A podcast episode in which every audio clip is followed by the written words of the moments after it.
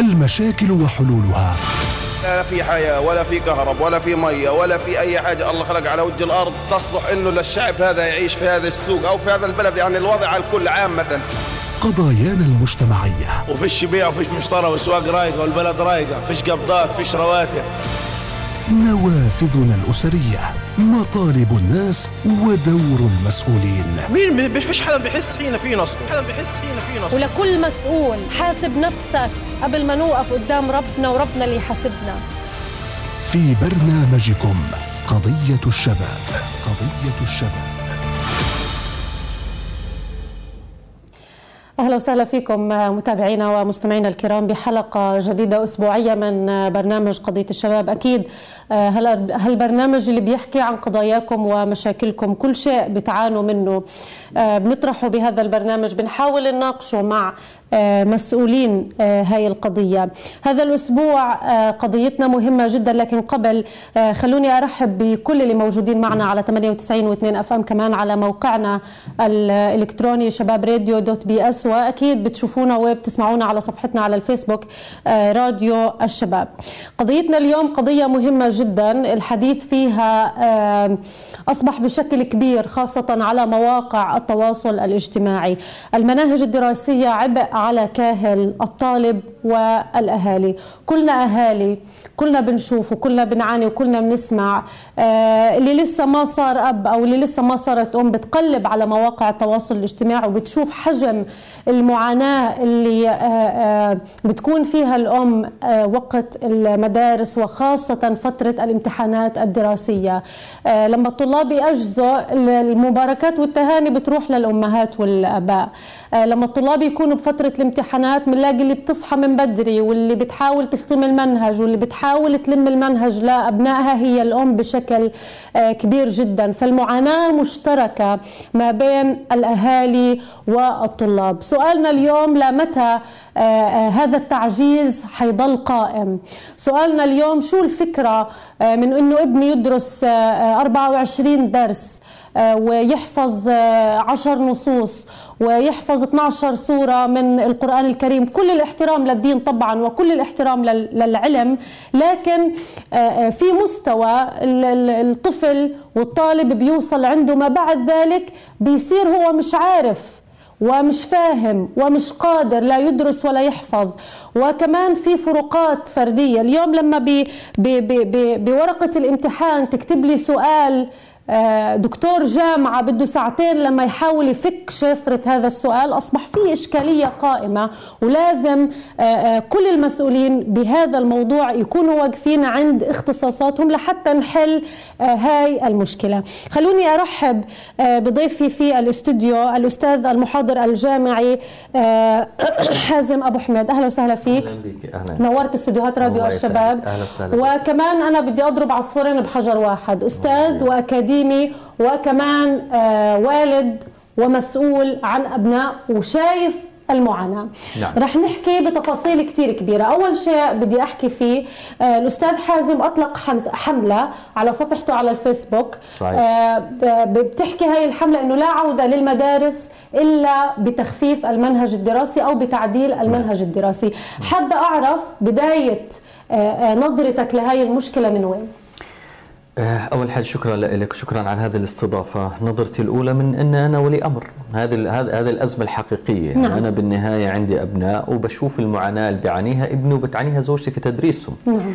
آه وهذا الإشي دفعني وكمان لأنه أنا عندي محتوى على ال social media وعندي برنامج من أصل الحكاية وبالتالي الناس بتراسلني كمان. يعني كمان صار في من الناس نقول لك أرجوك افتح هذا الموضوع لأنه هذا نعم. الموضوع إحنا مش لاقيين يعني أذان صاغيه وما حدش بتبنى وكثير من الناس يعني مش إحنا السباقين في غيرنا بدأ في هالمشوار وتعب ورجع لأنه في النهاية واجه حيطه سد أو واجه ناس خلص هو هي هيك وبدك تاخذها هي هيك. الموجود هي الموجود مم. وللأسف كمان إحنا يعني لم تعد لدينا كشعب في أو كمواطنين عندنا الإرادة إن إحنا نفرض وجهة نظرنا صار نحن بننفذ ما يملى علينا. لأنه بقول لك أنا بخاف وكله اعتبارات سياسية واعتبارات حزبية واعتبارات يعني أحيانا هذا الاعتبار بخليك حتى يعني تمشي في مساقات أنت مش لازم مش لازم تمر فيها. للأسف. طيب أنا بداية كأب وجدت إنه في عندي مشكلة في يوم أنا يعني زي ما بقول هيك بصلي فسمع زوجتي بتدرس لبنتي فسمعتها بت- بت- بتشرح لها بنتي يمكن صف خامس. فبتقول لها الجهاز اللي بيستخدم في القسطرة القلب مش كذا كذا. فأنا وقفت إيه عارفة كيف اللي بيقرأ هيك؟ سكتت شوية. فبعد ما خلص قلت إيش بتدرسي؟ قالت هذه اللي هي ال- التكنولوجيا المستخدمة في الطب بتدرسوها لأولادنا. إنه الجهاز اللي بيستخدم في غسيل الكلى، الجهاز اللي بيستخدم في القسطره هاي بتدرسوا؟ آه طيب. آه، سبق إن أنا يعني في السنين اللي فاتت بس ما الغي هذا آه، كان بيدرسوهم شبكات الكهرباء. صحيح. إيش تحط في ال... إيش إيش إيش بده يعرف بده يفيد. إيش بده يفيد إنه ابني يعرف إنه إيش المسافة بين البريز وبين الباب قديش تكون. آه، والمسافة بين وايش السلك الأحمر والسلك البني والسلو إيش بدك ليش بتدرسوا هذا الكلام؟ صحيح. فوجدت إنه هذه مشكلة. فبدأت أطرق هذا الموضوع وبديت أناقشه مع الناس بإنه إحنا امام مشكلة. السنة اللي فاتت أنا عملت فيديو تحديت قلت بدي أطرح هذه بدي أجيب ورقة الامتحان بدرسها ابني وأعطيها لوكيل وزارة التربية والتعليم أو للوزير نفسه وأقول لو سمحت تفضل حلها. أنا بدي أسألك أقول لك ما هو الجهاز المستخدم في غسيل ال- الكلى إيش اسمه؟ قول لي تفضل. مش. حضرتك إيش الجهاز المستخدم؟ مش. طب انت قاعد بتستعرض على أولادنا بهذه الطريقة؟ لكن ما كانت في حمل. لكن الآن وخلينا نقول كمان فكرة حمله أصبحت هي تدريجيا. ما كانت الفكرة بثير هذا الموضوع. عملت حلقة عن هذا الموضوع. أنت ليش اللي بيصير؟ لأي مراقب؟ والآن بتكلم كأكاديمي. لا هذا تجهيل. هل قلت تعال خذ الدرس كدرس لحاله فيش فيه مشكلة. لكن اجمعوا ضمن الكم. القصة في الكم. بتصير مشكلة كبيرة يعني اشكاليه. غير إنه إحنا عندنا ملاحظة على الكيف. عندنا ملاحظة على الكم. أنت قاعد بتعطي اليوم في زي ما الجسم عنده قدرة يشيل العقل عنده معين، قدرة عنده يستوعب. عنده اتساع صح. ف- فالموجود هذا كان صعب. فوجدت من الناس آه الناس بتشكي وصار مشاركات وكذا والى اخره فبدأت آه، أقول يا جماعة الخير لا بدنا أول حاجة كنا مع ان إحنا نخفف المناهج. فلما شعرت إنه الموضوع كبير قلت أنا بدي أتوجه للوزارة. صار الناس بيقولوا إحنا بنطلع معاك بننزل معاك. قلت لهم خليكم بيتكم لأنه أنا بدناش نروح لنا خمس تنفار أنا كمان عندنا مشكله اشكاليه إحنا إحنا أقوياء ورا الكيبورد. بس في المواجهة بنخاف. ضعاف في المواجهه فتوجهت للوزارة. تمام. عشان أعرف. بدي أعرف تفاصيل توجهك للوزارة وشو اللي صار بالتحديد و و وشو كانت الردود. آه، حقيقة هي فعلا آه، يمكن سياسة تجهيل. آه، كمان رسالتي بهاي النقطة إذا آه، المسؤولين في وزارة التربية والتعليم شايفين إنه الأمور طبيعية و- ودرجات أولادهم أو استيعاب أولادهم ما شاء الله عليهم ربنا يحمي لكم إياهم إحنا أولادنا على قدنا. وقدرات واستيعاب أولادنا كمان على قدنا. لازم يصير في فروقات فردية ولازم تستوعبوا إنه في قدرات وفروقات فردية. أنا أنا. أنا أنا عارف ذكرتني بشيء علقت أنتم بتدرسوا اولادكم منهج غير اللي إحنا بندرسه بالضبط، يعني بدنا نعرف. إذا أنتم بتدرسوا اولادكم شيء ثاني فهمونا. تمام. وليش ساكتين على هذا الموضوع. تمام. آه، أستاذ بدنا آه، عشان نحكي أكثر في مع ناس مسؤولة. ومع ناس يمكن بايدها يكون آه، جزء من الحل معنا عبر الاتصال على ال- ال- الزوم. الأستاذ آه، ثروت زيد رئيس مركز المناهج بوزارة التربية والتعليم سابقا ومستشار وزير التربية والتعليم آه، برام الله آه، أستاذ ثروت أهلا وسهلا فيك ضيف عزيز عبر راديو الشباب. وخلوني أنوه بس إنه معنا آه، في الاستوديو آه، كمان الأستاذ حازم آه، أبو حميد. يعني آه، مشكلة قائمة ومشكلة كبيرة جدا بنعاني منها آه، كطلاب وكأهالي. آه، اليوم المنهج الدراسي كبير جدا. المنهج الدراسي صعب جدا. آه، أسئلة يعني يمكن بدك توديها لدكاترة جامعة عشان تفك شفرتها بتجيهم بالامتحانات. عدم آه، مراعاة للفروقات الفردية بشكل كبير جدا. اليوم أستاذ زيد يعني خلي بداية حديثنا اليوم كيف بيعمل آه، مركز ال- المنهاج الفلسطيني في متابعة هذا المنهاج من الناحية التعليمية والتربوية؟ وهل هناك آلية قياس وتقويم؟ تفضل. مساء الخير للجميع. أهلا وسهلا. يعني استهلال ما بعرف كيف ال- طريقة الحديث فيه إنه هذا المنهاج صعب وهذا المنهاج وخاصة الدكتور حازم أكاديمي. هذه الجمل أعتقد ما بتزبط معنا نحكي فيها نقول صعب أو مش صعب. هذا بيعتمد على دراسات وعلى آليات تقويم. فيوم ما نعمل مناهج أو انعملت المناهج الفلسطينية شاركوا فيها عدد كبير والآلاف مش واحد واثنين آلاف. وأعتقد يا دكتور لما جينا نحط الإطار العام للمناهج الفلسطينية شاركت في فعاليات موجودة في الضفة الغربية وقطاع غزة والقدس. وأيضا عدد اللي شاركوا في أي وثيقة لأي كتاب مدرسي أو للمنهاج المدرسي لأي مبحث كانوا يعدوا بالمئات بحيث إن هذه الوثيقة انعمل لها اللي هي الأصول العمل مصفوفة المفاهيم scope and sequence اللي هو المفهوم الحلزوني وانعمل فيها الغايات والنتاجات المتوقعة وتم تبني منهج بنسميه منهج النشاط على اعتبار إنه اليوم العالم كله يعني إحنا تعلمنا على الكتاب الأردني وأنتم تعلموا في غزة تعلموا على الكتاب المصري. وكان قديش بنحشي هالسفنجي معلومات مشان نفرغها في الامتحان. هذا الكلام هذا النهج إحنا نعتبره منهج أو منحى حقيقة ضر في مصلحة طلابنا وحتى ضر في نتاج التعليم. حتى إني ب... لا أخجل عندما أقول إنه نتاج التعليم في الضفة الغربية وقطاع غزة والقدس لم يؤتي أكله إلا من خلال شهادات. ولكن حتى الآن ما زلنا كنتاجات على الأرض لا في عنا اقتصاد ولا في عنا أي منتج حقيقي نعتمد فيه على سيادية دولة إحنا بنحلم فيها. وبالتالي كان من خلال سياسي سياسيين وسياساتيين وأيضا في المناهج قلنا منهج النشاط اللي بيعتمد فيه الطالب يعمل. وأعتقد المقولة المشهورة علمني لا يعني لا تطعمني سمكه بل علمني كيف أصطاد السمكة. نعم. وبالتالي وبالتالي المنهج نعم بني بهذه الطريقة. بني على اعتبار إنه منهج عملياتي. منهج يعني مرتبط الجانب النظري والجانب التطبيقي والطالب يتعلم من خلال خلال العمل ولا يتعلم من خلال حشو معلومات معرفية. الآن على- خلينا نفرق بشكل واضح جدا. ما بين عملية إنه في امتحان يتم عقده وما بين اللي هي قديش جبنا بالعلامة 50 ولا 60 وبد... وب- وب- والجانب الآخر ما هي البناء المعرفي اللي تكون لدينا. هل فعلا انتقلنا من التعليم للتعلم؟ هل فعلا تغيرنا بحيث إنه ليس مجرد ناس تبعيين؟ هل فعلا أسسنا لقيم ومفاهيم المواطنة والتفكير الناقد والتفكير التحليلي؟ أما قضية الاختبار فهي موضوع آخر. الآن ما تم في المناهج الفلسطينية وأنا فخور فيها وأعتز فيها هي مناهج أسست بأيدي فلسطينية وبدعم فلسطيني وتمويل فلسطيني حتى هذه ما حدش يقول إنه لا البلجيك ولا الإيرلنديين ولا غيره لا. البلجيك والإيرلنديين والأوروبيين اطلاقا ضدنا كليا. ضدنا كليا لأن حكينا عن الرواية الوطنية الفلسطينية. أما فيما يتعلق في الجانب الداخلي كل حتى يؤلف أي كتاب كان يجتمع أول شيء بعد ما عملنا عملية وعلى فكرة شارك فيه زملاء لنا في غزة اللي هو سميناه رابد اسسمنت تقويم سريع للكتب المدرسية السابقة.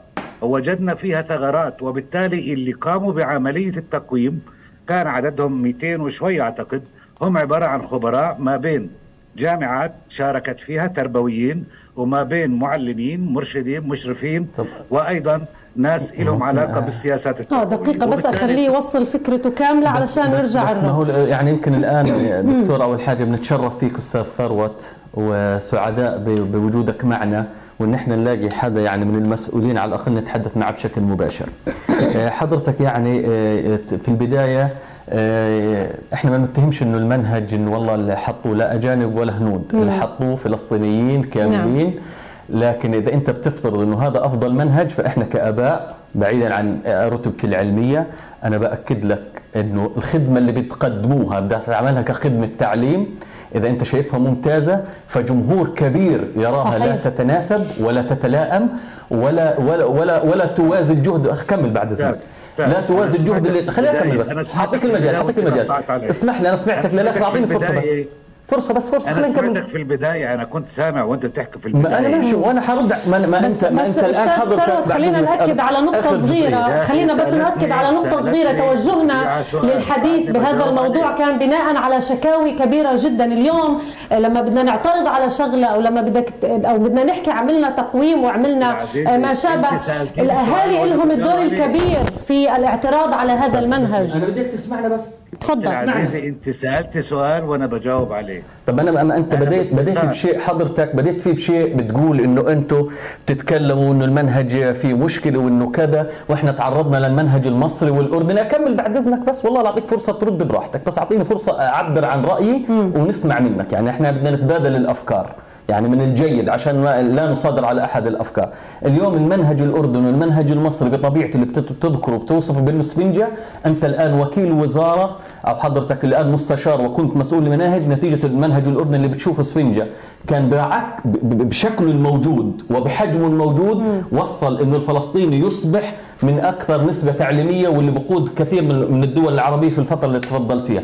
المنهج اللي موجود اليوم بهذا الشكل بهذا الجهد مع احترامي لكل من وضعه مع كل من حطه لابد إنك تفهم بإنه إحنا متلقين هذه الخدمة كآباء وكأسر وكغيره في عندنا إشكالية. اللي حاطه حاطه مش ابدا ابدا لم يراعي لا فروق فردية لم يراعي قدرات. أقول لك في اتكالية إذا هذا مش واصلك في اتكالية كاملة. مشكلتنا مش بس في الامتحان مشكلتنا في المنهج في الكم في الحجم اللي موجود في طبيعة التدريس في آليات ومنهجيات التدريس في الشكل اللي بتقدم طبيعة المدرسة. حاجات كثيرة هي مش مشكلة بس منهج هي سلسلة. لكن جينا للنقطة الأسهل في الحل. لأنه أنت هل تعلم أن إحنا في غزة في عندنا ثلاث فترات للطلاب بدرسوا فيهم بروح الصبح والظهر والمساء؟ هل تعلم بأنه الكثافة الصفية في غزة أكثر من 50 طالب في, طيب أستاذ في غرفة حازم 6 متر؟ أستاذ حازم بس خلينا خلينا آه، آه، نمشي خطوة خطوة. آه، في كثير من النقاط اللي لسه رح نحكي فيها.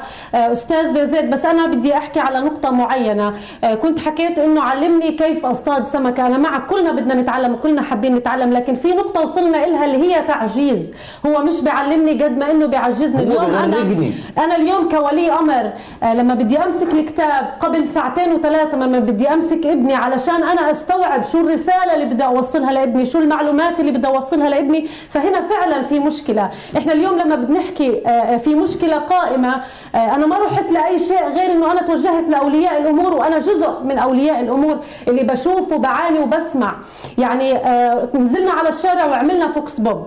سألنا كثير من الطبقات شو رأيكم بالمنهج؟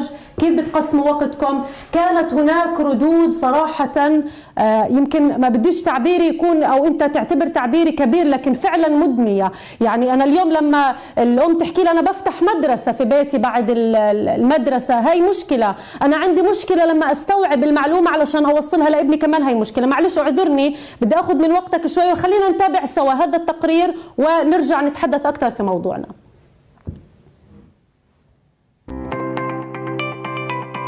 من خلال متابعتنا للطلاب والأهل وتدريس أبنائنا الطلبة صراحة بنلامس معاناة كبيرة من كم المناهج كبير جدا على الطلاب كم المواد. إيه، أنا عندي ابنة في توجيهي وكمان ابن في صف تاسع. وبصراحة بلاحظ إنه المناهج الدراسية يعني بتركز على الكم المعرفي أكثر من المهارات المكتسبة وبتشكل عبء كبير على ذهن الطالب خاصة في التركيز على موضوع الحفظ. عندي أربع بنات الحمد لله صف أولى إعدادي وخامس ورابع وعندي بستان. إيه، عندي بنت في صف رابع وبنت في ثانية ثانوي. عندي بنتين آية وجنى صف ثالث وصف رابع. أنا اللي في صف رابع هذه بقعد معها طول النهار. يعني لما بدي أمسكها وغير الضرب وغير الإزعاق وغير كليته لأنه ما بتستوعبش. إيه، امهم بتعاني والله بتعاني كثير لأنه انت عارف ست البيت مسؤولياتها.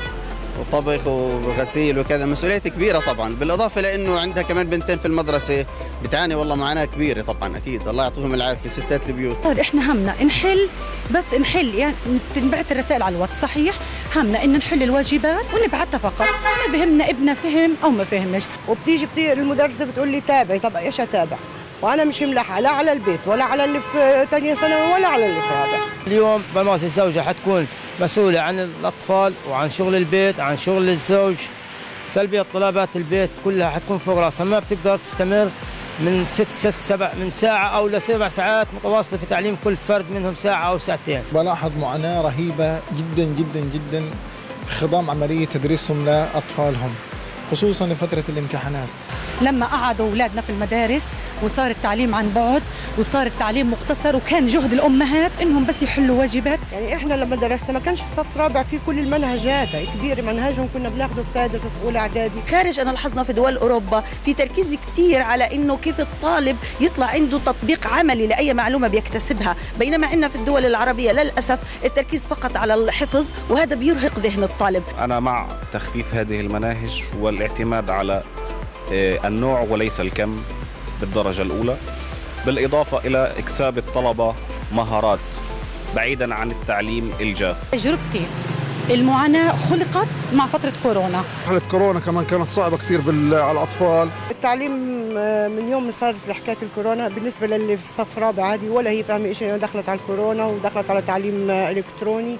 والمنهج أصلا صعب. بالنسبة للتعليم الإلكتروني أنا بشوفه شيء مفيد وجميل. يعني في ظل آه، طبعا النهضة التكنولوجية العالمية الموجودة واعتماد الطفل هو هيك بشكل يومي هو موجود على وسائل التواصل يومي بيستخدم ال- الجوال بيستخدم اللابتوب. مش كل إنسان عنده بالمؤاخذه إمكانية توفير لابنه أو الطالبات اللي عنده أو الطلاب جهاز لت- كي يتعلم عليه. التعليم الإلكتروني ظاهرة جديدة ظهرت عنا بسبب كورونا بصراحة لو تم استغلالها بشكلها الإلكتروني الصحيح أنا معاها. لكن بشكلها اللي بيتم اتباعه الآن في قطاع غزة إنه الأم بتحل عن الابن أو الأخ بيحل عن الابن أو عن الطالب أنا ضدها جملة وتفصيلا لأنه الطالب ما بيستفيد. التعليم الإلكتروني بصراحة فاشل. لأنه بيقعدوا على النت. أنا ممكن بنتي يجيها ورقة عمل على النت أحللها إياها أنا وهي نايمة. فما ب... ما- على الفاضي يبقى أنا اللي حليت والبنت مش فاهمة أي حاجة. لا بأس الدمج بين التعليم الإلكتروني والتعليم التقليدي لكن في حدود. مع تخفيف المنهج بس مش بصورة كبيرة. بصورة صغيرة تتلائم مع احتياجات إيه، وطننا وشعبنا. طبعا آه، مع تخفيف المناهج لأنه بالذات كمان أنا بسمع إنه الرياضيات شوية والإنجليش مستواهم شوي أكبر من مستوى الأطفال. أنا مع تخفيف المناهج الدراسية خاصة الدروس اللي بتعتمد على الحفظ من قصائد ما إلها بصراحة. آه، يعني اليوم استخدام في حياتنا من دروس رياضيات فيها كتير اليوم معلومات من مصفوفات منظومات يعني شغلات لا تستخدم في الحياة العملية. وأنا عن نفسي مش قادرة انه حكاية إن إحنا ن- نقعد نجمع لهم دروس ونحط لهم ونحط مدرسين وهذا الأمور صعبة كثير يعني. المنهج الفلسطيني بشكل خاص لازم يكون براعي ثوابتنا الوطنية الفلسطينية براعي إنه فلسطين عربية وإنه عاصمتها القدس الشريف بعيدا عن العلوم وبعيدا عن الرياضيات لأنه مناهجنا الفلسطينية لازم نعتبرها هي المكان الأول للتعبئة السليمة والقويمة لأطفالنا. أتمنى أنه جيل الشباب هو اللي يكون مشرف على تطوير المناهج. أستاذ ثروت يعني هذا كان آه، آراء أولياء الأمور في الشارع الغزي بالتحديد. حابه أعرف رأيك وهل أنت فعلا شايف إنه المنهج آه، ما في مشكلة ولا شو بالضبط؟ لا لا هي القصة مش هيك. يعني إذا بدي أقعد أحكي أنا إنه المشكلة في المنهج ولا مش منهج أنا مش جاي مشان أحكي بهذه الطريقة لأني تمام. مش متعود على هذه الطريقة. مم. أنا بحكي بلغة وعارف شو بحكي. تمام تفضل. الآن الآن أنا سمعت المقابلات كلها. مم. والمقابلات كلياتها جزء منها تمحور نحو البيداغوجيا يعني أصول التدريس لما يحكوا عن التعليم الإلكتروني وعن معلمي أعطتني واجب أو ما أعطتنيش واجب. واللي حكوا عن المناهج كانت كلماتهم إنه نخفف شيء قال شوي شيء قال سمعت شيء إلى آخره وحكوا عن الانجليزي والرياضيات. مم. على فكرة يعني أنا مش بعرض رد ولا بدافع عن شيء محدد يعني بالمناسبة. تمام. بالعكس. بس حتى للتوضيح لأنه أنا بعتقد إنه في مستمعين ناس غير غير اللي غير وجهة النظر الموجودة مم. الآن المس... ال- كل المستمع إحنا لما وضعنا الكتاب الجديد قارنا ما بين حجم الكتاب الجديد والقديم مم. ووجدنا إنه أقل منه بحوالي 20% هذه هذه واضحة جدا بالأوراق بالعدد الشيء الآخر عدد الكتب المدرسية قلت عن السنوات السابقة عن الكتب عن المنهاج القديم مم. أو المنهاج الأول المنهاج الفلسطيني الأول مش المصري ولا الأردني الفلسطيني بحكي اللي تم في التسعة في ال 2000 حتى ال 2006 مم. الآن واللغة الإنجليزية اللي بنحكى عنها حاليا تمام. هذا مطبق من سنة 2011 مم. من 2001 هذا مش مش جديد على فكرة من 2011 وبنحكي عن 11 سنة على فكرة ما اجى أي ملاحظات عليه بالعكس كان الناس يشتروه يدفعوا ثمنه مم. الآن الكتب اللي موجودة حاليا اللي هي بدأت في 2006 وتم تعديلها في 2007 وتم تعديلها في 2008 مم. وفي عفوا 2017 2017 تم تعديلها. في 2019 جبنا فريق من خارج المناهج ومن خارج المؤلفين. وقلنا لهم عيدوا النظر في هذه الكتب المدرسية. بالكامل. وتم إعادة النظر فيها. والنسخة اللي بين ايدين الناس اللي هي 20 21 22 حاليا 23 هي عبارة عن النسخة المعدلة في 2019 مم. واللي عدلها فريق وطني أيضا كان من خارج المؤلفين حتى منقول المؤلفين ما يتزمتوا مم. أنا صح كنت رئيس مركز المناهج ووكيل مساعد الشؤون التعليمية وآخرها أنا وكيل وزارة على فكرة 38 سنة في التعليم حتى ما يقولش حد إنه هذا جاي هيك شو لا يا عمي. لا طبعا كل الاحترام والتقدير لحضرتك. من معلم مدرسي لليوم مم. بس خلينا تكون الأمور واضحة. مم. القصة مش صعب وسهل. أنا أعرف وين المشكلة بالضبط كلياتنا عارفينها وأنا عندي أولاد في المدارس. مم. على فكرة اولادي مش مدارس خاصة المدارس حكومية. مم. وأنا بعلمهم وأمهم بتعلمهم بس بنفس الوقت وأنا كان على فكرة بس للمعلومة. أنا سابقا مدير عام الاشراف والتاهيل التربوي قبل ما تصير عملية الانفصال ما بين الضفة والوز وكنا نقول دائما يا اخوانا المعلم هو المنهاج الحقيقي لأنه هو اللي بيقدر يعمل الأصول التدريس مم. هو اللي بيقدر يحكي كيف يتعامل الطلاب أو يتعامل الأهل مع الطالب ولا مرة كان مطلوب من الطالب لما يروح من المدرسة إنه يروح معاه عبء آخر يفتح مدرسة أخرى في البيت. مم. ولا مرة. وبالتالي في أمور فعلا أنا واثق جدا إنه ولي الأمر مش مطلوب منه يعرف فيزياء ولا كيمياء مم. ولا يعرف أحياء. جميل جداً. وممكن يكون وممكن يكون اختصاصه آخر. وممكن يكون مش متعلم. مم. وممكن يكون متعلم لمرحلة معينة. بس في هناك مدرسة. المدرسة دورها. المنهاج لما وضع وضع نعم هو آه، بديش أنا أرد على قضايا صغيرة إنه والله أنا من المنهاج الاردني لا لا لا مش هيك الأمور مم. أنا ما أحكي عن نتاجات أنا بحكي عن نتاج وطني على فكرة في حد قال عنه المعايير والثوابت الوطنية مم. أنا بس بدي اعد دراسات تمت في الدراسة العربية الأوروبية وشاركوا فيها إخوان لنا في الأردن ومن الدول العربية وعلى فكرة من غزة مم. ومن الضفة ما خليت حدا يشارك قلت حتى يكون المنحى الرؤية من الجامعات مرموقة في غزة الأزهر وجامعة الأقصى والجامعة الإسلامية وجامعات أخرى حتى لا يقال أنه الجامعة ومن المؤلفين على فكرة كانوا من الجامعات الآن الدراسة العربية الأوروبية الدراسة العربية على فكرة العربية الأوروبية هذا اسم الشركة اسم المؤسسة مم. لكن اللي اشتغلوا هم عبارة مش مش إلنا مش وزارة التربية والتعليم مم. هم عبارة عن ناس باحثين دارسين بيحملوا ألقاب أكاديمية وتربوية عالية وأشادوا في المنهاج ووضعوا لنا ملاحظات وعدلنا على أثرها مم. عدلنا على أثر هذه الملاحظات يعني استاذي حضرتك بتأكد إنه بيصير تقويم. وتعديل أنا- أنا بشكل لازم مستمر على. المنهاج بس معلش معلش تفضل. القصة مش آه أو لا مم. مش أبيض وأسود مم. قصة مش هيك قصة إذا ما وضعناش إيدينا على الثغرة وين هي بالضبط. رايح نضل نحكي مع بعض بلغة مش كويسة. مم. رايح مش أنا وأنت لا أنا بحكي كمجتمع فلسطيني. تمام. أنا فلسطيني للعظم وللنخاع وانتمائي هيك. مم. وبفهم الجانب الوطني فوق العادة. مم. لاني لأني أنا أصلا تاريخي هيك بكون. أنا اللي بحكي فيه بكل بساطة ودقة حاليا. الآن في أزمة في التعليم في فلسطين. أزمة تعليم. أنا بحكي تمام. أنا, أنا بحكي أزمة. في عندنا أزمة. هذه الأزمة ما بدنا نردها لا على منهاج ولا على لا في في النظام بالكامل مم. حاليا إذا بنيجي للتقويم التربوي التقويم التربوي في أزمة حقيقية في فلسطين الآن بتحاول وزارة أنا من الناس اللي شاركوا في برامج تغيير نظام التقويم التربوي في ال 2000 من 2005 مم. حتى 2011 للأسف اصطدمنا بآخر شيء بقرار إنه ما تغيروا على سبيل المثال نظام الثانوية العامة. لأنه هو المشكلة الحقيقية هو نظام الثانوية العامة. لأنه كلياتنا بنصير ندرس كيف نظام الثانوية العامة. من الصف الأول بنبدا نح- نحكي مع الطالب أو مع الطفل اللي إلنا كيف بده يجيب بالتوجيه. مم. هذا اللي حاليا النظام فيه إشكالية. إذا هذا النظام ما تمش عملية إصلاحه وتطويره الآن لو بدي أنا أقارن الآن ما بقارن حالي وين الضفة وين غزة ولا وين الوكالة والحكومة اطلاقا؟ مم. أنت بدك تقارن حالك في العالم. وين العالم وصل؟ اليوم في توظيف التكنولوجيا في التعليم. قلت والله أنا إلي مزاج ولا ما لكش مزاج أنت حر الك مزاجك بس مش أنت اللي بالأخير راح تعطي سياسة بلد. الآن البلد وين بدها تنتقل؟ وين بدنا نتحول هل بدنا نبقى مجتمع اتكالي بيعتمد على اللون الأبيض ورغيف الخبز الأبيض طيب تمام؟ أستاذ ثروت بس خليني خليني أكمل لك. معلش حكيته حكيته وأنا سامع وأنا بالعكس يعني معني بكل أسمع أي حرف مم. بس بنفس الوقت بقول هيك إحنا بحاجه لا مش آراء عادية لأنه إحنا الآراء على فكرة بتودينا لأشياء هذا بتحكوا عن شيء متخصص مم. يحتاج إلى متخصصين بالتالي في أزمة. الأزمة مش أزمة منهاج ولا أزمة معلم في أزمة نظام بالكامل. لأن هذه الأزمة لابد من ناس متخصصين يشتغلوا بقلب وعقل حتى ننتقل من هذا الحالة إلى حالة أفضل منها. عند ساعتها بنشوف مهمات الواقع منها؟ يعني- كانت معلش أستاذ حازم إذا كانت الأزمة في المنهاج مع تغييره. إذا مم. كانت الأز... أنا بالعكس أنا رايح لأبعد منك.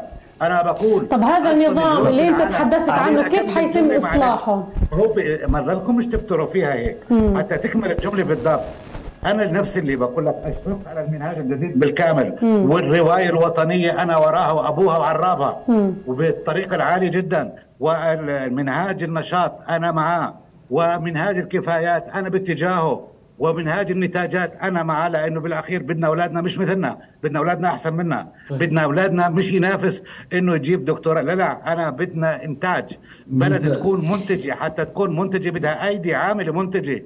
أيدي عاملة مش مقصود في مهنيين. نتوجه طيب أستاذ زيد يعني في. أنت عارف نظام الزوم في الاتصال؟ بيحكوا بيحكوا عن مم. منحى بسموه المنحى المفتوح المتواتر والعملياتي. باختصار معناه إنه هذا المعلم مفترض نجهزه بطريقة إنه أستاذ زيد عشان ما يفصل. الكلام وأنت بتتحدث حضرتك جلسة الزوم رح تنتهي رح يرجعوا لك الشباب مباشرة. آه، آه، رح يفصل الزوم.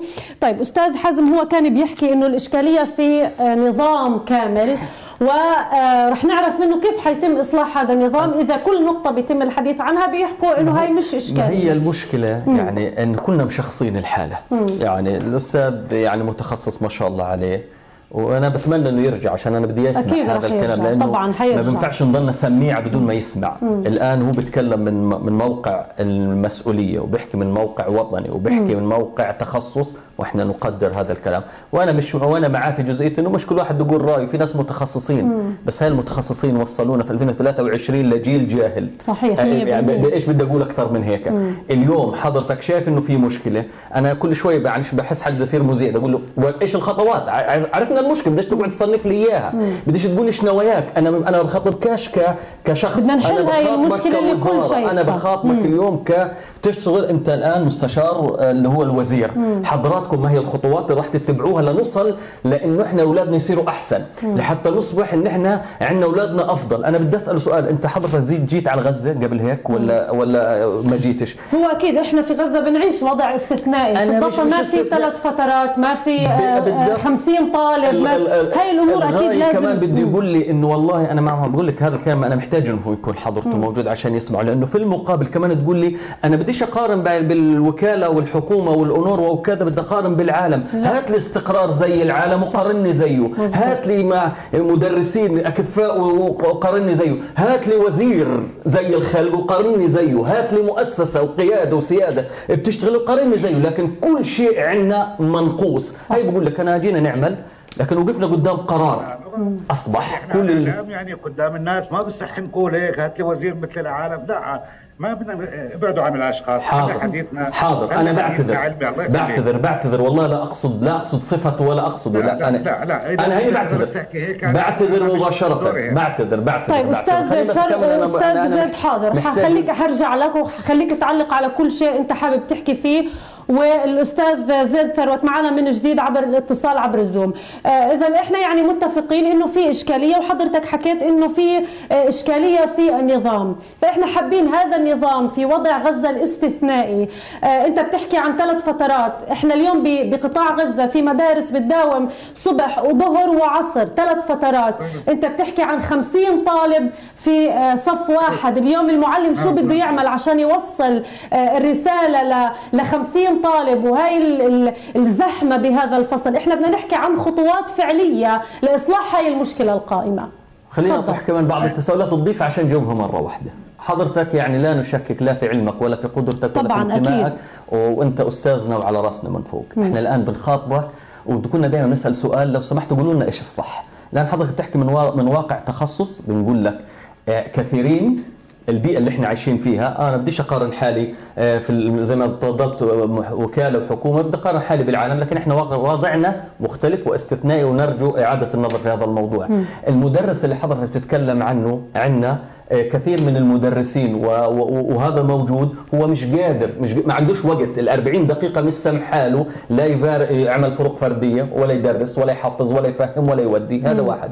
المنهج مش اشكالي إشكاليته إنه موجود لطلبة قدراته العقلية ومستواه العمري أكبر بكثير. وارجعوا للي موجود هذا إحنا بنقول لكم تعالوا شوفوه شوفوه شوفوه بعينيكم اثنين ما القيمة انه يكون في ناس متخصصين لكن الفئة المستهدفة اللي هو الجمهور اللي هم هذول الأولاد وغيره بيعانوا من هذا الكلام مم. فما تقارنيش بفهمك ك- كأب ما تقارنش ابني بفهم اللي حطه قارنه به- بهل هذا اللي موجود يتلائم معاه لا؟ ولا لا يتلائم نعم. اليوم إذا أنت تتكلم حضرتك عن أزمة في المنظومة أنت مش قادر تغير المنظومة لأنه حضرتك اليوم بتقول أنا في مليون ضغط ممكن يكون أو في مليون إشكالية. إحنا بنروح للحاجة الأسهل للحاجة الأبسط إلى أن تصل لتغيير المنظومة. المنظومة ما تتغيرش في يوم وليلة في بتفتت المشكلة للأقل ضررا. الأقل ضررا اليوم اللي أنا بقدر أمشي فيه في واقعنا وأنا بتمنى إذا حضرتك ما زرت غزة تشرفنا وتيجي تلتقي مع المدرسين. لا تلتقيش مع المتخصصين تلتقيش مع اساتذه الجامعات تلتقيش مع اللي عملوا المنهج التقي مع الأساتذة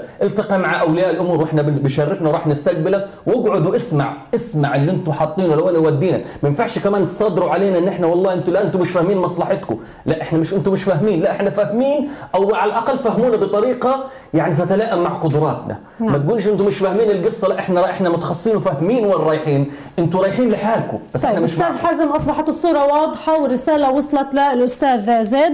يعني آم، آه، آه، الأستاذ حازم حكى في كثير من النقاط. فتفضل آه، أول شيء بالنسبة لغزة مم. أنا في خلال فترة التأليف مم. رحت على غزة كذا مرة مش تمام. مرة والتقيت بالمعلمين مم. من الناس اللي عمل تدريب في غزة مم. لمعلمين أنا تخصصي أصلا رياضيات مم. وأنا اشتغلت معاهم في لمدة يعني بالضبط أعتقد خمس مرات مم. رحت على غزة وآخر مرة بعد التعليم المهني في برنامج التعليم المهني على مرتين يعني بشهر واحد وبشهر ستة. واشتغلت مع كل معلمين التربية المهنية أو التعليم المهني في غزة. تمام. زائد لأنه التعليم المهني أنا صح مش تخصصي مهني لكن كإطار عام وشكل عام للمنهاج إنه يكون منهاج بالعمل آه هذا يعني آه، بقدر أقول بقدر أشتغل فيه. والمباحث الأكاديمية نعم إحنا يعني الحلقات اللقاءات اللي تمت مع المعلمين في المحافظات. وفي أنا لا أفرق ما بين رفح وجنين وأنا من جنين بالمناسبة. لا أفرق ما بين رفح وجنين. أنا لا هي عبارة عن بلد واحد وبالتالي عقدت في جميع المحافظات. في الضفة الغربية في القدس طبعا ما بنقدر نفوت نعمل لقاءات لكن كانت في الضفة الغربية تنعمل.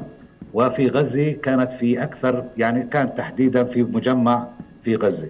فبالتالي المعلمين تم اللقاء معهم. بالإضافة تم فتح بوابة وتم الإعلام عنها. إنه هاتوا ملاحظاتكم ووصلت ملاحظات. أنا لما أحكي إنه تم التعديل مم. فعلا تم التعديل بناء على الملاحظات اللي وصلتنا. الآن لما كلمة نظام كلمة نظام هي مش تهمة بحد ذاتها.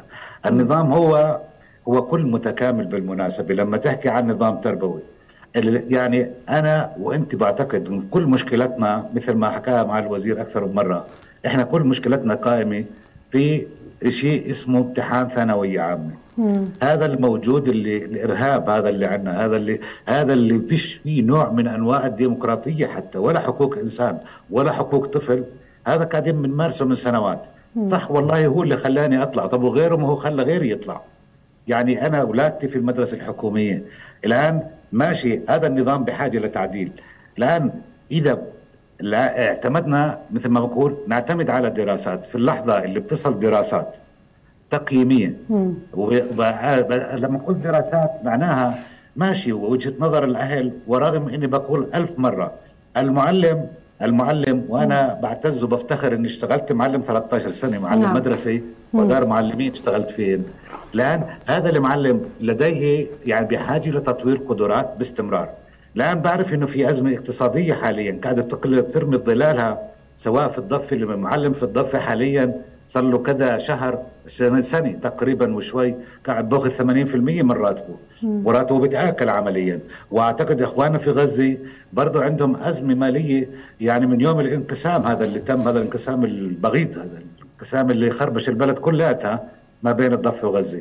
فبالتالي في أزمة مالية. بعرف إنه في هم كبير عند المعلم في هم عندي أنا اللي بحكي معك.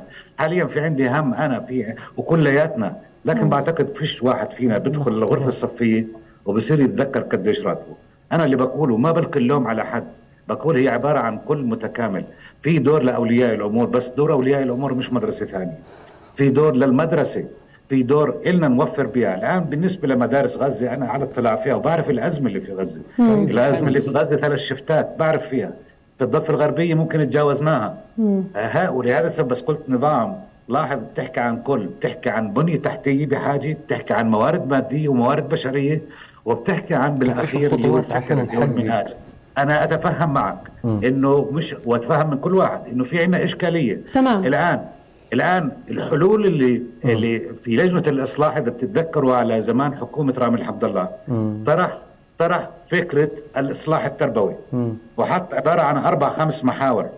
وكان من ضمنهن كانت المحور الأساس البنية التحتية وكان تطوير في عملية تطوير لغزة بالذات. لأنه حتى الآن في الضفة الغربية ما عندنا شفتات ما ظل شفتات. الآن كان في البداية في بداية التسعينات وحاليا تجاوزناها. الآن في غزة في شفتات. في عنده مشكلة أرض ومكان وإلى آخره. كلها هذه. إذا ما توفرش بيئة مدرسية آمنة بيئة مدرسة وعندنا مشكلة الناحية الآمنة في عندنا مشكلة فيها. بيئة مدرسية آمنة جاذبة محفزة مش راح يصير تعليم. تمام. طب شو الحل اليوم؟ شو الحل اليوم؟ الحل مم. الحل حاليا مم. إنه على مستوى كل منطقة وكل مدرسة. تمام. لأنه ما بقدر ما بقدر آجي أقول لمدرسة مثلا موجودة في غزة آه، أو في الضفة أو في الوكالة نظامها في الوكالة متوسط عدد الطلاب في المدرسة الواحدة بصل حوالي 35 طالب مم. في الضفة الغربية عندنا 22 على فكرة المتوسط ما بين مدارس قليل في غزة في فرق بحدود كبير 40. مم. بحدود ال 40 طيب. إذا لاحظي إذا في عندنا إذا معناها موائمه بنسميها كل مدرسة أدرى بموائمه أبنائها الآن بتوائم المنهاج وفقه وف يعني بتوائم كيف بدها تشتغل في داخل الغرفة الصفية؟ وفقه الآن عملية الحفظ حفظ لا يوجد على فكرة أي تعليمات صدرت عن وزارة التربية والتعليم بالحفظ. إحنا ضد الحفظ كليا لأنه لا يعقل إنك أنت حافظ لي معلقة امرئ القيس وأنت بالإمكان تقراها عن جوالك يعني مش علم هذا لكن قدرتك على تفسير قصيدة امرئ القيس أو على أي أو على أي حديث أو حتى القرآن آه يعني ما بقدر أحكي هنا بجانب لأنه قد حفظه هو عبادة وبالتالي ما بدي أدخل بهذه المتاهة. لكن على الأقل بدي أحكي عن المواد اللي تحتاجه إلى حفظ. اللي مواد اللي تحتاج إلى حفظ أو قراءة. إحنا قلنا الأسئلة يجب أن تكون أسئلة تفسير وتحليل وليست أسئلة حفظ مش اذكر ولا عدد. أنا بذكر بعدد يعني هو أنت شو بتحتفظ فيه بذاكرتك؟ ولا مرة الحفظ ولا مرة عرف ولا مرة عدد بس هو اللي بس هي طبيعة الامتحانات اللي, اللي بتكون مطروحة هيك. بالشكل اللي أنت معترض عليه اليوم. إحنا حقيقة. الان إحنا إحنا بين بين أزمة في حاجتين بين ما تتمناه. حضرتك بدك. ووعيك مش وبين ما هو حيجاوبنا يا أستاذ حازم. بدك تفضل. أجاوب أخي العزيز. مش بدك أجاوب. تفضل. التعليمات اللي مفترض اللي هي على فكرة تعليمات أسس أسس تعليمات النجاح والإكمال والرسوب اللي صدرت في الضفة مم. وأعتقد إن غزة وامتها وعلى فكرة مش نفس الوضع في الضفة وغزة يعني حتى أكون واضح. مم. الإخوان في غزة في بعض الأمور بيختلفوا عنها في عملية آليات تطبيقهم رغم إنه المنهاج واحد. وإحنا متفقين وإحنا وياهم على الثانوية العامة.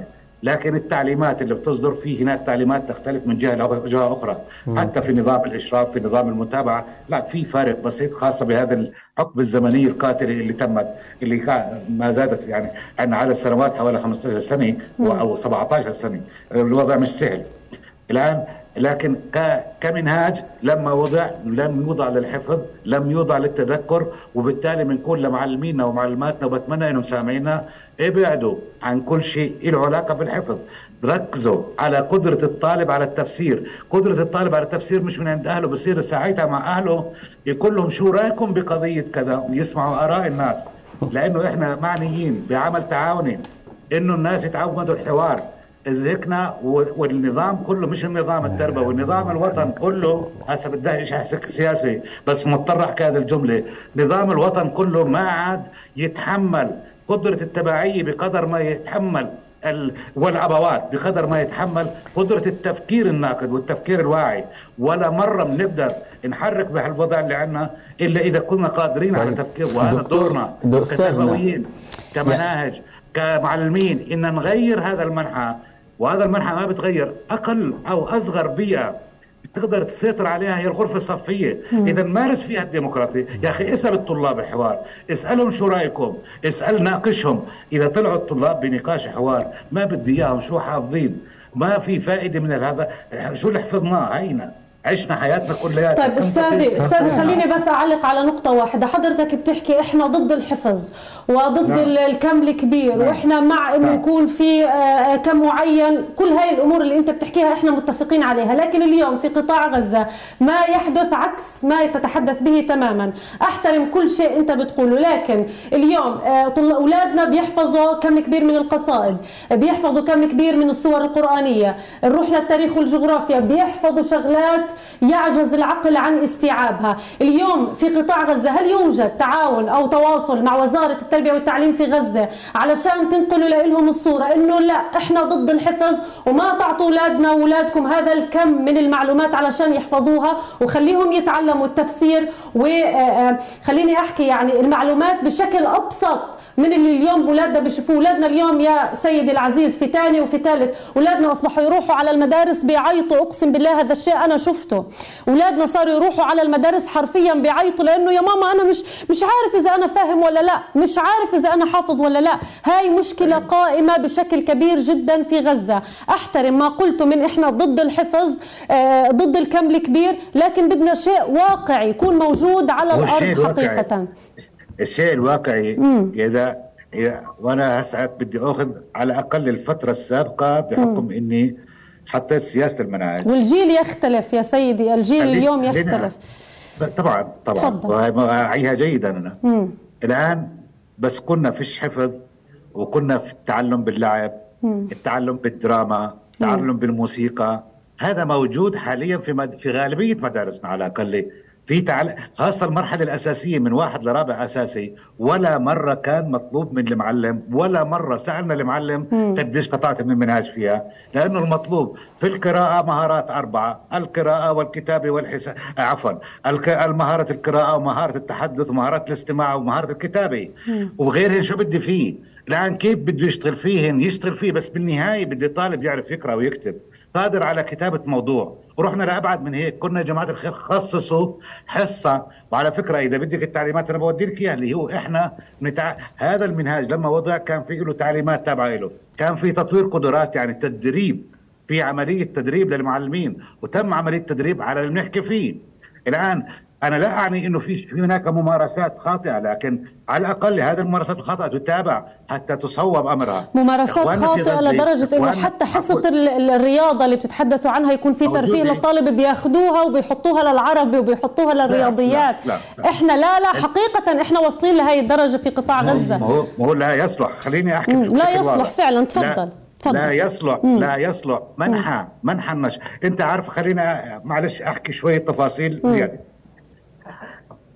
كل عنوان. صغير كنا نكتب له أربع أنشطة. تقريبا هاي الأربع أنشطة في النشاط البسيط السهل اللي هو بنسميه إحنا متغير واحد فيه وفي اللي أعقد منه واللي أعقد منه لأنه بنؤمن إنه هذا مش مطلوب من المعلم يحل الأربعة مم. مطلوب من المعلم يعمل مجموعات أربع مجموعات وكل مجموعة تحل سؤال وبالأخير يندمجوا مع بعضها والطلاب منهم مع بعضهم يتعلموا مع بعض مم. بروح الطالب ف... انت عارف اللي بحكي فيه بتنفذ مش ب 40 دقيقة ب 15 دقيقة بس مم. المعلم يتك... يعني ما هو برضه كمان ما بنفع إني أضل لابس الثوب اللي أنا متعود ألبسه الدنيا كانت بتتحول وبت... في تغيير. الآن اليوم الطالب بيستخدم ما كان على زماننا أنا في الثمانين خلصت بقى في عنا كنت ماخذ بيسك وفورتران. اليوم طلابنا بيتقنوا الحاسوب وبيتقنوا النت وبيتقنوا الموبايل وإلى. آخره. إذا ما إذا لنحترم عقلية أولادنا. حتى نحترم عقليتهم. لازم نعرف شو اللي عندهم. القدرات اللي عندهم إنهم يستخدموا التكنولوجيا أحسن مني. اذا بالتالي طب ما دام استخدم التكنولوجيا أحسن مني. وال... والأصل إنه الطالب يقدر يوظف في المعلومة مش يعرفها. مم. في فرقها. يوظف المعلومة. طب اذا بدي أحترم هذه العقلية بيوظفهاش. وأنا قاعد أقول له احفظها. بوظفها لما يحطها بسياق لما يحطها بجانب عملي. وهذا ما بيجي إلا من خلال حوار ومناقشة وعمل. بدونهم ما بنفع. طيب. بالدار إحنا بنحفظ أولادنا. أنا زوجتي بتحال بتعلم في عندي ضايل ولد صغير. بالصف العاشر يعني هو مش صغير. بس يعني على الأقل مرات بتقول لي بدي أساعده. بتلقى حالها صدمت إنه مش عارف الفيزياء كيف بدي أعرف فيزياء ومش مطلوب منها تكون هي معها إنجليزي شو علاقتها بالفيزياء؟ طيب أستاذ ثروت يعني أنت اللي بتحكيه جميل قصد- تطبيق التكنولوجيا أولادنا بيفهموا التكنولوجيا لكن اليوم اللي ما تتحدث فيه حقيقة مش موجود عندنا في قطاع غزة. هل يوجد تواصل ما يعني- بينكم؟ يعني, يعني في في إنا زملاء في غزة رائعين وهم على دراية وكفاية كافية. طبعاً. مم. بتوقع إنه اللي بنحكي فيه مم. هذا ال- الحوار اللي بيتم عنا هنا يعني اليوم إحنا في عندنا الاشراف معامل لقاء موسع وفي بيناقش فيه مواضيع تفصيلية. الان لأنه في إشكالية شعرنا فيها بعد نتائج اختبارات الفصل الدراسي الأول. لقينا في إشكالية. اذا وهذه الإشكالية بتعمل أزمة عنا. طب وين سببها؟ حسب دراسة التقويم كان القصة مش في المنهاج. ولا إيش كان كان في أصول والبيداغوجيا والأمور. قلنا لهم إذا معناها مباشرة تحركوا بالاتجاه هذا. يعني ما في ما في خجل من هذا الأمور. مم. الآن انت أنت مثل مثل بيت. عندك بيت. وجدت إنه بتلف من جهة معينة. عارف شو معنى بتلف بنزل مي يعني بالشتويه بدي. بروح بعالجها طبعا. اللي هو بسموها الوقاية والعلاج. يعني طيب. في عملية تأهيل علاجي ووقائي في نفس الوقت. وإحنا قاعدين نشتغل. مم. الآن بعتقد أي تواصل يعني مع الدكتور محمود مطر ولا مع الزملاء الموجودين؟ يعني أنا بذكر هو مفترض الدكتور محمود مطر يكون موجود معنا بس لحتى الآن ما رد على الاتصال. الأستاذ يعني حازم في عنده بال-.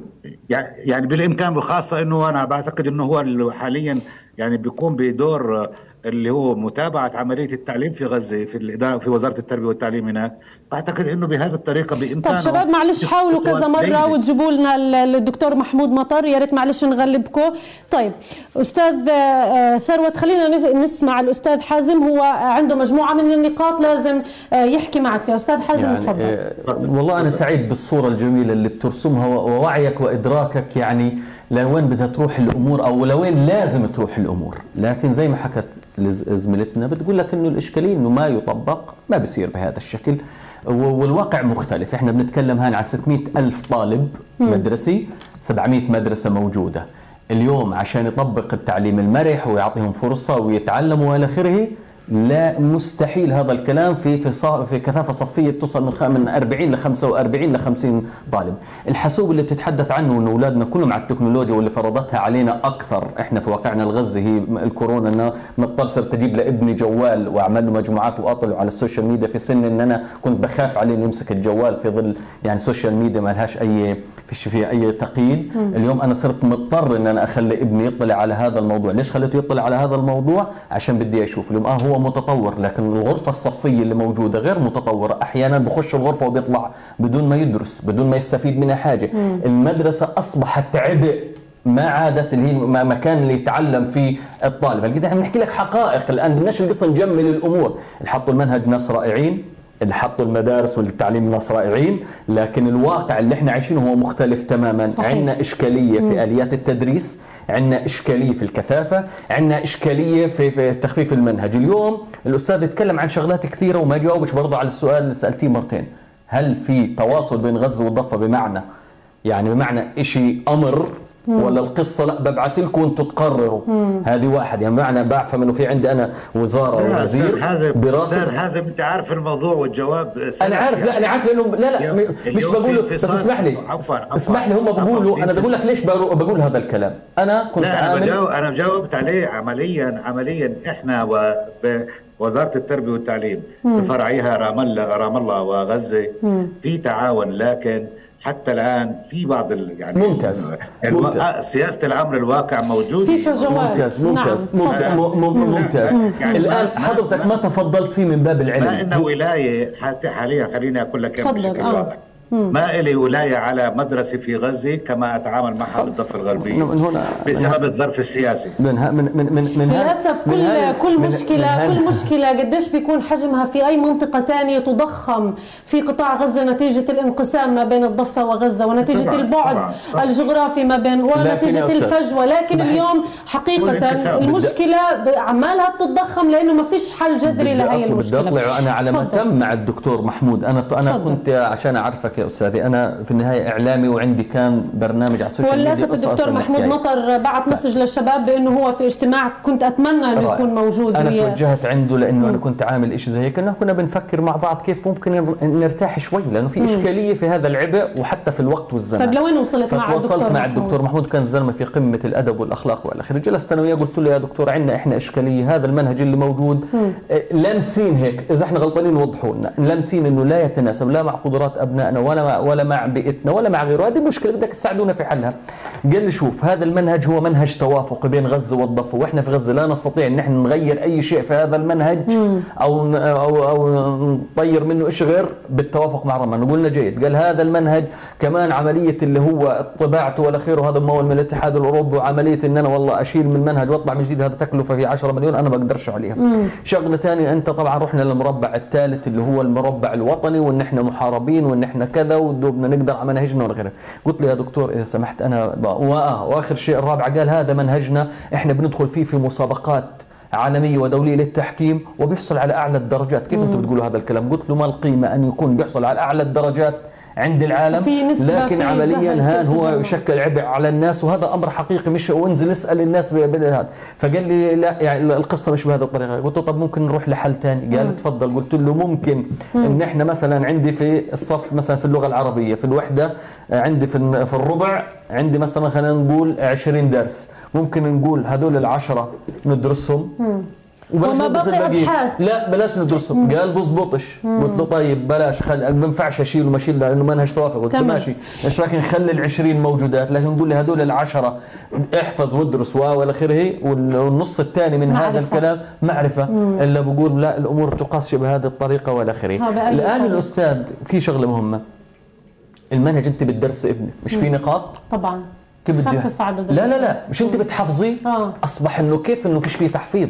هو موجود في تحفيظ صح. في نقاط لازم يحفظها ويروح يقدمها فيها أذكر فيش فيها تفسير فيش فيها ابدا تفسير. يعني لما تلاقي لك سؤال واحد يعني سؤال رياضيات تخ... اسمع يا أستاذ هذا السؤال في الرياضيات. الع... العامل في الدور ال 11 فتح باب الأسانسير نزل ثلاث طوابق بعدين طلع خمسة بعدين رجع في السادس. كم طابق وقف؟ كم ساعة بده عشان يفسر السؤال؟ مش كع... مش على كم طابق صف اين إشي- يقع المسجد العمري و... و... و... و... وقصر هشام. مم. مش هذا. حفظ. دروس قرآنية. صور قرآنية كبيرة. احفظها. لقيت طفلة لما يت- تعلموا غسل الجنابة والحيض والنفاس لعمرها تسع سنين ولا 11 سنة هي لسه ما وصلت. لا، مش موجودة في الكتاب مع عفوا لازم نورجيك اياها هيك اسمعني يعني شوي، معناه إحنا بندرس. شيء ثاني في غزة. هذا معناه معناه معناه. معناه هذا الكلام إن إحنا في عندنا منهج ثاني طيب تفضل يا أستاذ ثروت هو نفس المنهج. الكلمة كلمة اسمعني شوي. وأنا عارف شو بحكي يعني. طبعا. كلمة حيض لم تذكر لم تأتي في الكتب إلا بالصف الثامن. لم تأتي. أنا هين بحكي لك. أنا عارف شو بحكي. الآن وحتى عملية تسلسل هذه المفاهيم كان وفق المرحلة العمرية ولا يمكن نحكي شيء مش لك الآن أنت اللي اللي حكي اللي حكيته مع الدكتور محمود. على فكرة أنت حكيت عن شيء وكنت أتمنى توقف عنده بشكل جيد إحنا بنسميها معالجة معالجة المفاهيم. كيف بدي أعالج المفهوم؟ أعالج المفهوم. هل في الكتاب يعني عادة المعرفي لما تنحط بأجي أحط لك التعريف بس مش مشان تحفظه. بعد بعمل لك تطبيق بدك توظف المعرفي توظف وأنا عارف شو بحكي لك. وظف المعرفة. مم. يعني أنت لو ظليتك حاليا بس قريت في الإعلام وظل يقولوا لك ال- الهيكل النص الإعلامي بيكون مقلوب بعكس المقال. وظليت حافظ لي إياها هذا عن غيب. طب شو بدي فيها أنا؟ بس لما تيجي تكتب كتبت هو كأنها مقال. ساعتها لا فيك ولا باللي حافظه.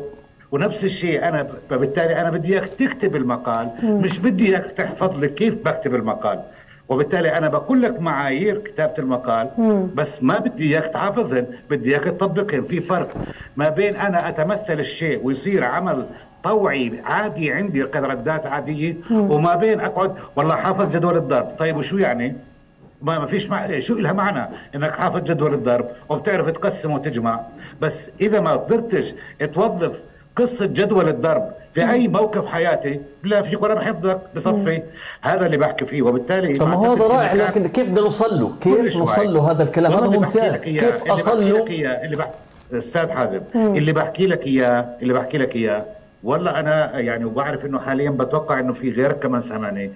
إني بتمنى إنه الكل يستخدمه سواء بالضفه ولا غزة إذا في معلم بيستخدم هيك لأني أنا برضه بتوقع إنه في حالات لأني بعرف إنه في ناس في غزة بيصلني شيء منهم. والله كثير رائع رائع فوق العادي في عندكم على فكرة تجارب ناجحة مش ناجحة بعقل إحنا ما بننفي ما بننفي إنه في عندنا بدك- شخصيات وفي عندنا تجارب ناجحة لكن لك على. النقيض في موجود ال- ال- ال- إحنا الجانب اللي إحنا بنتحدث عنه أستاذة مبهرين. كمان بس المرض قديش؟ والصحه لا تعدي أختي العزيزه يا أخي تفضل. المرض بيعدي بالصحة لا تعدي بعرف انه بعرف بعرف إنه المرض هو اللي بيعدي مش الصحة اللي بتعدي بالضبط. لكن لكن إحنا المطلوب منا بالأخير.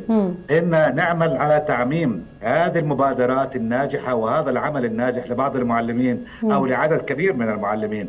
إحنا عادة إذا في سلوك خاطئ أي صفحة بيضاء نقطة سوداء فيها بتبين. الآن المطلوب هاي رساله من خلالكم مم. لكل معلماتنا لكل معلمينا. نعم فيش حدا أستاذ ثروت هذه. رسالة ولا هذا شيء. لازم يمشوا عليه؟ ما هو في فرق؟ يا ستي ما هي هي الرسالة؟ رسالة هي رسالة اشبه ما هي. الأمنيات؟ إحنا إحنا إحنا, إحنا لا لا الان مش أمنيات أخوي مش أمنيات هي طيب. تعليمات. تعليمات هي تمام يلا هي تفضل تعليمات. مم. هي تعليمات ويؤخذ بها الآن المطلوب مم. الابتعاد عن التذكر والحفظ الابتعاد عن التذكر وهم عارفين شو بنحكي بمستويات المعرفة تمام. التذكر والحفظ ابعد عنه مم. اعتمد وت... واستخدم المعرفة لأغراض توظيفها في التطبيقات في التفسير في التحليل مم. لأنه بدنا أولادنا إنهم يكونوا قادرين على التفكير على انماط التفكير النقدي التفكير التحليلي وينتقل هذا التوظيف لجوانب اجتماعية اربطها بسياقات حياتية. خلي المثال اللي عندك مثال له علاقة بالواقع اللي أنت فيه. يعني واحد في غزة الطلاب بيعرفوا السمك وبيعرفوا البحر. ما بقدر آجي أجيبه لابن أم الريحان هاي قريتي اللي في جنين. آجي أقول له السمك البحر كذا كذا. طب ما هو ابني موصش البحر حتى الآن. صار عمره 22 سنة موصش البحر. بشوفه أنا بالصورة بس ابن غزة عايش فيه لكن ابن غزة ما شاف سهل مرجع بن عامر. بقول له عن مرجع بن عامر. وبقول له عن الجبال اللي موجودة هين بقول له عن أحراش القسام اللي إحنا عايشين فيها بقول له عن شيء له علاقة في البيئة فبتمنى عليك يا معلمنا لأنك في حين ما أغلقت الغرفة الصفية أصبحت العلاقة بينك وبين ربك مم. وأصبحت العلاقة أنت المسؤول ما حدا بيدري فيك فلذلك خلي مثالك مربوط بسياق وأنت طالع من الصف قولي ولادتي اليوم اتعلموا شيء يربطوه بحياتهم. انت بتكون نجحت وإلا بعدها إنه قديش طلابنا حفظوا حرام طيب. قديش طلابنا يعني ضربوا ما, عصي ما, ما, ما زال. ما, ما زال أستاذ ثروت هذا جميل جدا بس أنا بدي أسألك سؤال اليوم بنتي روحت من المدرسة معها كم كبير من الحفظ أنا ما أحفظها وأخليها تعتمد على فهمها وعلى تطبيقها العملي للمعلومات اللي موجودة. وأبعتها على المدرسة بدون ما تحفظ بتلقين كامل للمعلومات اللي موجودة في إيه. الكتاب اسمعيني شوي أنا مم. لو محلك كنت كولي أمر بروح عند معلمتها وبقول لها مم. والله أنا سمعته هذا اللي أشرف على المناهج كلها بتقول الدروس مش للتلقين والحفظ مم. والطلاب فاهمين إذا قالت لك هل ابنتك فاهمة قولي لها فاهمة إذا فاهمة اسأليها عن الفهم مش عن الحفظ مم.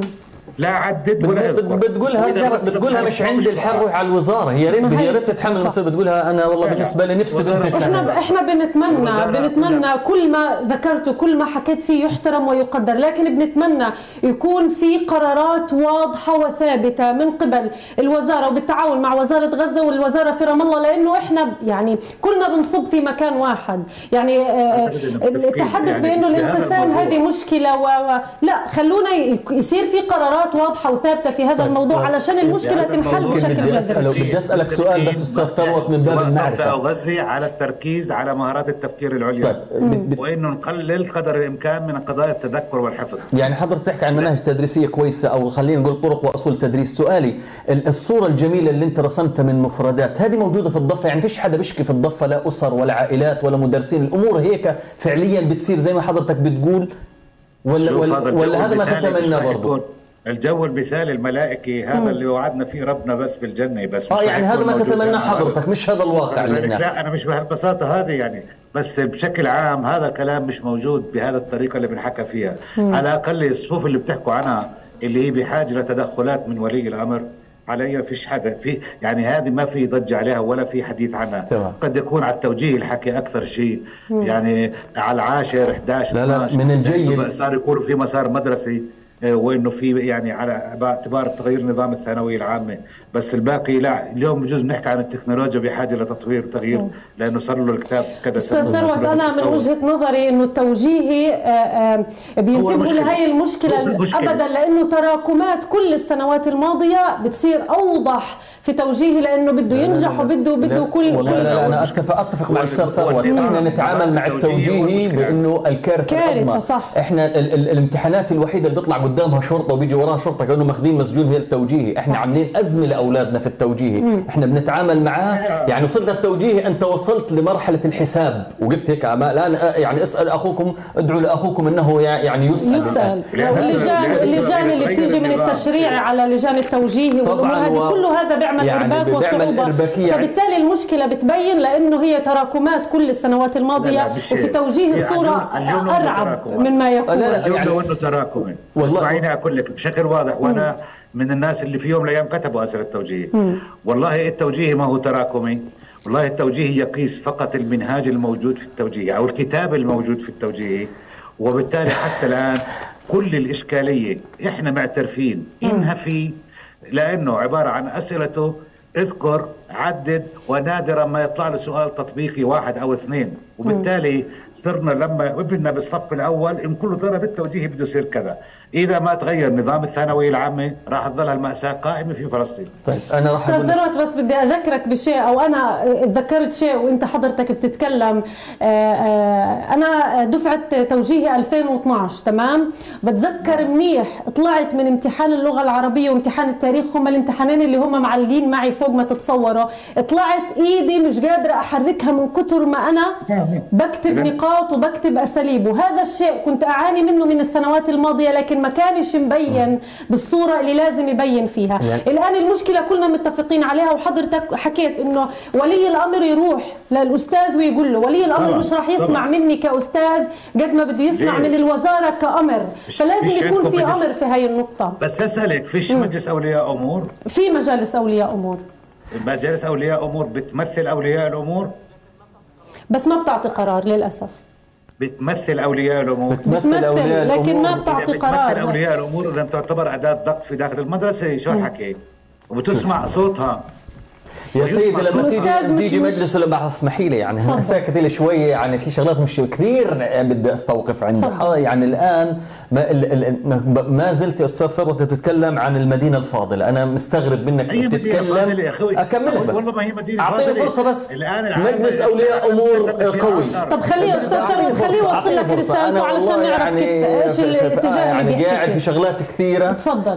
بس خليني أنوه لشغلة الزوم باقي عليه خمس دقائق. خلينا بهدول الخمس دقائق نسمع سريعا من الأستاذ آه. حازم علشان آه. نجمل الموضوع بالضبط. ونعرف وين إحنا. رايحين أنا ب... آه، يعني آه، أنت لا ما زلت تتكلم عن مدينه فاضله بمعنى إيش؟ مم. اليوم آه، في مجالس أولياء أمور في بتعرف ليش بيجيبوهم؟ مم. عشان والله بدنا ندهن حيطة بدنا نعمل شغلة بدنا نعمل حفل بدنا نسوي كذا. بي- بيجوا أولياء الأمور بيقولوا بدنا شغلة معينة. آه والله أنت عارف. الموضوع هذا مش عندنا عند الوزارة. تروح للوزارة والله الم... توافق رام الله وغزة. القصة يا أستاذي ما زلت بقول لك أنت بتتكلم عن ما تتمناه. أو الايش الإيش السليم في التدريس. أكمل لو سمحت. أكمل لو سمحت. بس موجود آه، بس مشان على فكرة هو مش أمنية. لأنه موجود حاليا اللي بتحكي عنه كان قبل عشر سنوات. موجود. موجود. خلينا نقول خلينا. نقول سطوته أو قوته. قوته قوته تراجعت. الآن يعني أنا أنت كمان في شغلة في حديثك كله بتقول إنه مشكلتنا يعني صح حقيقه اللي بتحتاج لإعادة نظر هي التوجيهي. بس أنا بقول لك المشكلة من الجذور. التوجيه من صف التوجيه. أول لو جيت حضرتك وشفت الأنماط ما هو شوف أنا ما بدي نحمل عبء لحدا. لكن زي ما تفضلت إذا كانت المنظومة فيها إشكالية فخليني أبدأ باللي بقدر عليه. اليوم عندنا مدرسين يا سيدي بياخذ 1800 شيكل. هي راتبه. في عندنا مدرسين بيطلع عشان يجي يلحق الد- حصة الساعة 7 بيطلع من دار الساعة 5 ونص في الشتاء بتكون الدنيا ليل زي عمال إسرائيل. عفوا بال- بالمسمى. بيطلع والطالب كذلك بكون صف أول ولا ثاني لأنه ما عندوش قدرات. يا سيدي في ناس عندنا ما عندها كهرباء ثمان ساعات بتقطع بتيجي من الساعة 8 الصبح بتقطع الساعة 2 ولاخريه الليل فيش كهرباء عشان يشوف يدرس أولاده. عندنا أمهات غير عندها ما عندهاش قدرة تتعامل ما عندهاش جوالات وسمارت عشان تشوف. هذه إشكاليات اللي حط المنهج حطه لعالم مستقرين. اللي حط هذا المنهج وحط رؤية أصول التدريس حطها لناس لا عندهم احتلال لا عندهم انقسام رواتبهم مستقرة عندهم دولة قلبها على المواطن عندهم حكومة بتدور كيف تريح المواطن مش نريح المسؤول عندهم دولة بتفكر كيف تحط التعليم في أولوياتها إحنا آخر شيء في سلم أولويات. شوف وزارة الثقافة وين مخر وين وين وين وجودها؟ على الخارطة في خارطة سواء الحكومة الموجودة سواء في غزة ولا في الضفة حتلاقيها محطوطة بس هيك شكلية. شوف التعليم اللي موجود. إذا إحنا بنتكلم عن اللي نفسك فيه فاللي نفسك فيه رائع. في أفكارك اللي بتطرحها كنا بنحبها. ممتازة جدا لكن الواقع بيقول إنه لا. ما يتم وضعه. أقول لك أحد المدرسين قال لي شغلة معينة قال لي أنا بدرس الصبح. هل جيت في الشتاء؟ الصبح بتكون الدنيا عتمة. في جدار جنب الشبابيك. الكهرباء فيش عندنا خدمة كهرباء ولا غيره. بضوا الكشاف على الطلاب وعلوه عشان أورجيهم إياه. عندنا غرف الحاسوب موجودة الكمبيوترات أكلها الغبرة. لأنه ما الطالب ما بيقعدش زي اللي قعدوه عشان الأستاذ طيب يطلع. أستاذ حازم يبقى هو هو. حيفصل من غير ما يرد عليك أنا هاي هاي مشكلتي كلها إنه هو بدي يسمع أو غير يسمع فإحنا المشكلة ال- ال- ال- ال- الجمال اللي أنت بتقوله رائع جدا جدا وكلنا فاهمين هذا الكلام واللي أنت قلته أكثر منه كمان لكن الإشكالية الواقع يكذب ما نتمناه الواقع بيقول إنه اللي موجود صعب وصعب جدا ولا يتناسب نهائيا مع الأفكار الجميلة اللي إحنا بنقولها طيب. هذه بنقولها إن شاء الله زي ما تفضلت طيب أستاذ. ثروت هذا اللي موجود وهذه حقيقة التعليم في قطاع غزة. إحنا بنعاني وفي مشكلة قائمة فعلا. هل سيتم التواصل مع وزارة التربية والتعليم في قطاع غزة لوضع حد لهي المشاكل اللي كلنا بنحكي عنها وهي فعلا قائمة وهي موجودة؟ سريعا في غضون دقيقة. هي هي بشكل سريع. إحنا مثل ما قلت إحنا بندعم قطاع غزة ونفذنا أكثر من مشاريع في العلاقة بالبنية التحتية في قطاع غزة. وفق ما هو مسموح لنا نقدر نتدخل مع إخواننا في قطاع غزة. مم. لكن الزياده لا في واضح. مش عندنا يعني العلاقة يعني لك عارف بصراحة الأخ بس حكى عن طب إحنا عندنا مدارس البدو فيش بدو في, في عندنا مدارس فيها 10 طلاب اللي هي موجودة في البدو. أنا ما بحكيش عن جو ملاكي بحكي عن شيء موجود عندنا مسافر يطا في باص من كل الطلاب بيوديهم على المدرسة. بالجبال في عندنا البدو يعني فيش تجمع سكاني اللي صار فيه.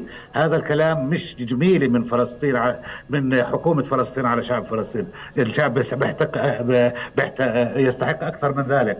الآن بالنسبة لقضية غزة ما الكل عارف شو الأزمة اللي فيها. آه، أزمة مالية أزمة سياسية كمان في عنا. وبالتالي آه، بعتقد إحنا على الأقل كوزارة التربية والتعليم بالخطة اللي موجودة عندنا في تدخلات في قطاع غزة إلى علاقة في البنية التحتية إلى علاقة بالأمور اللي بنقدر يعني ما. حيتم تعديل أي شيء والمشكلة حتبقى قائمة ما هو موجود هو موجود هو أمر واقع وأنا بتوقع القبول فيه لازم بدنا- يصير يعني بدنا موجود. تشترط والله إنه ما, ما تحطش حنفيه بعد إذنك شوف هو الاتص- اسمح لي اسمحي لي بس. اذا إذا بدناش تدخل في بنى تحتيه بدناش تحطوا كراسي ودفاتر حطوا اقرنوهم بانه بإنه في خدمة مواطن إذا أنت شاعر إنه هان المشكلة. لأنه هان كمان هو شاعر إنه أنت المشكلة. هي الإشكالية يعني بتوجه في غزة بقول لك المشكلة في الضفة بتيجي على الضفة بقول لك المشكلة في غزة. وحقيقة أنا يعني آه ال- الأستاذ ثروت زيد بيأكد إنه التواصل أو أو من من سياق حديثه بنفهم إنه التواصل هو فقط تواصل شكلي. شكلي, شكلي، فعليا. المشكلة آه آه، يعني بده إيانا نسلم إنه المشكلة هي قائمة وستبقى قائمة. هو بيحكي لك في تطوير لكن للبنيه التحتية. أنت تطور بنية تحتية في ظل آه، آه، منهج تعجيزي. هو ببداية الحديث زعل من كلمة تعجيزي لكن هو فعلا منهج تعجيزي. تبني كمان خمس ست مدارس ولكن الطلاب مش فاهمين.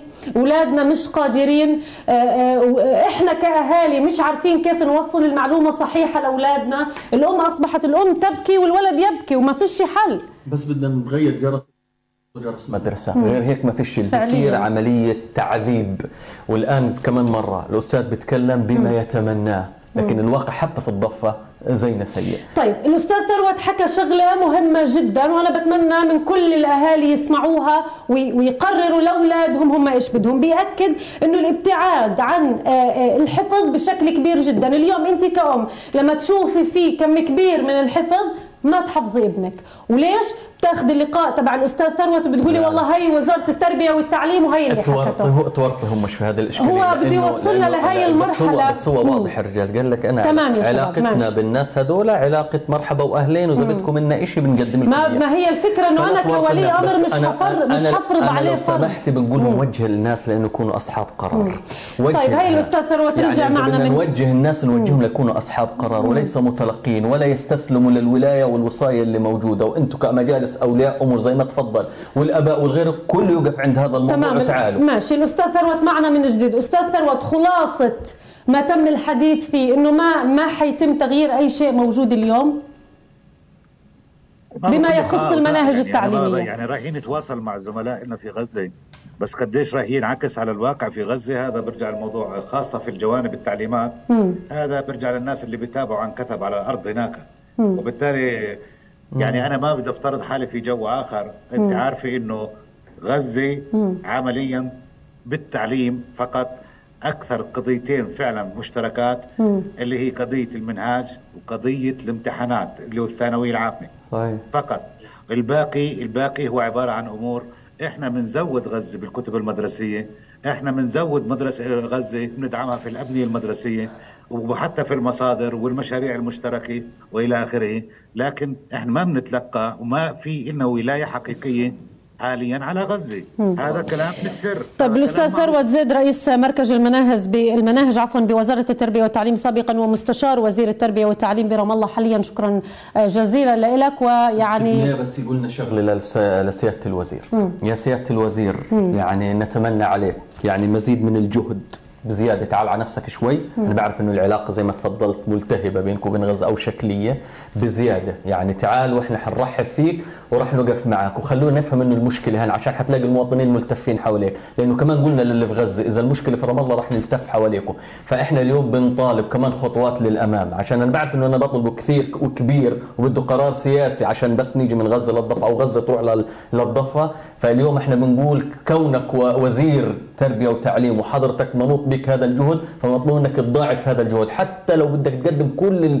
كل الإشكاليات تعال وخلي الناس تشوفك لأنه في جماهير هذا الموضوع بخص أجيال بخص الشخص بخصش والله مشكلة غزة. يعني مشكلتنا مش مع زياد ثابت ولا مشكلتنا مع مسؤول حركة حماس في غزة. مشكلة جيل كامل. وإذا بدها تظل الحكومة أو كل بني آدم مسؤول عن البلد ساكت عشان والله في انقسام وعشان في أزمة أنا بعتقد إنه إحنا راح نضحي بجيل كامل ونضلنا نقول إنه الموجود حلو بس أنتم اللي مش فاهمين. مم. اللي موجود مناسب بس ع- عقولكم قاصرة تمام. الأستاذ ثروت زيد شكرا لك. والأستاذ حازم والأكاديمي الجامعي حازم أبو حميد كمان شكرا جزيلا شكراً لك، لك. رسالتي أخيرا آه، آه، يمكن أصحاب القرار في هذا الموضوع واللي بيقدروا يغيروا فعلا في هذا الموضوع هم الأهالي.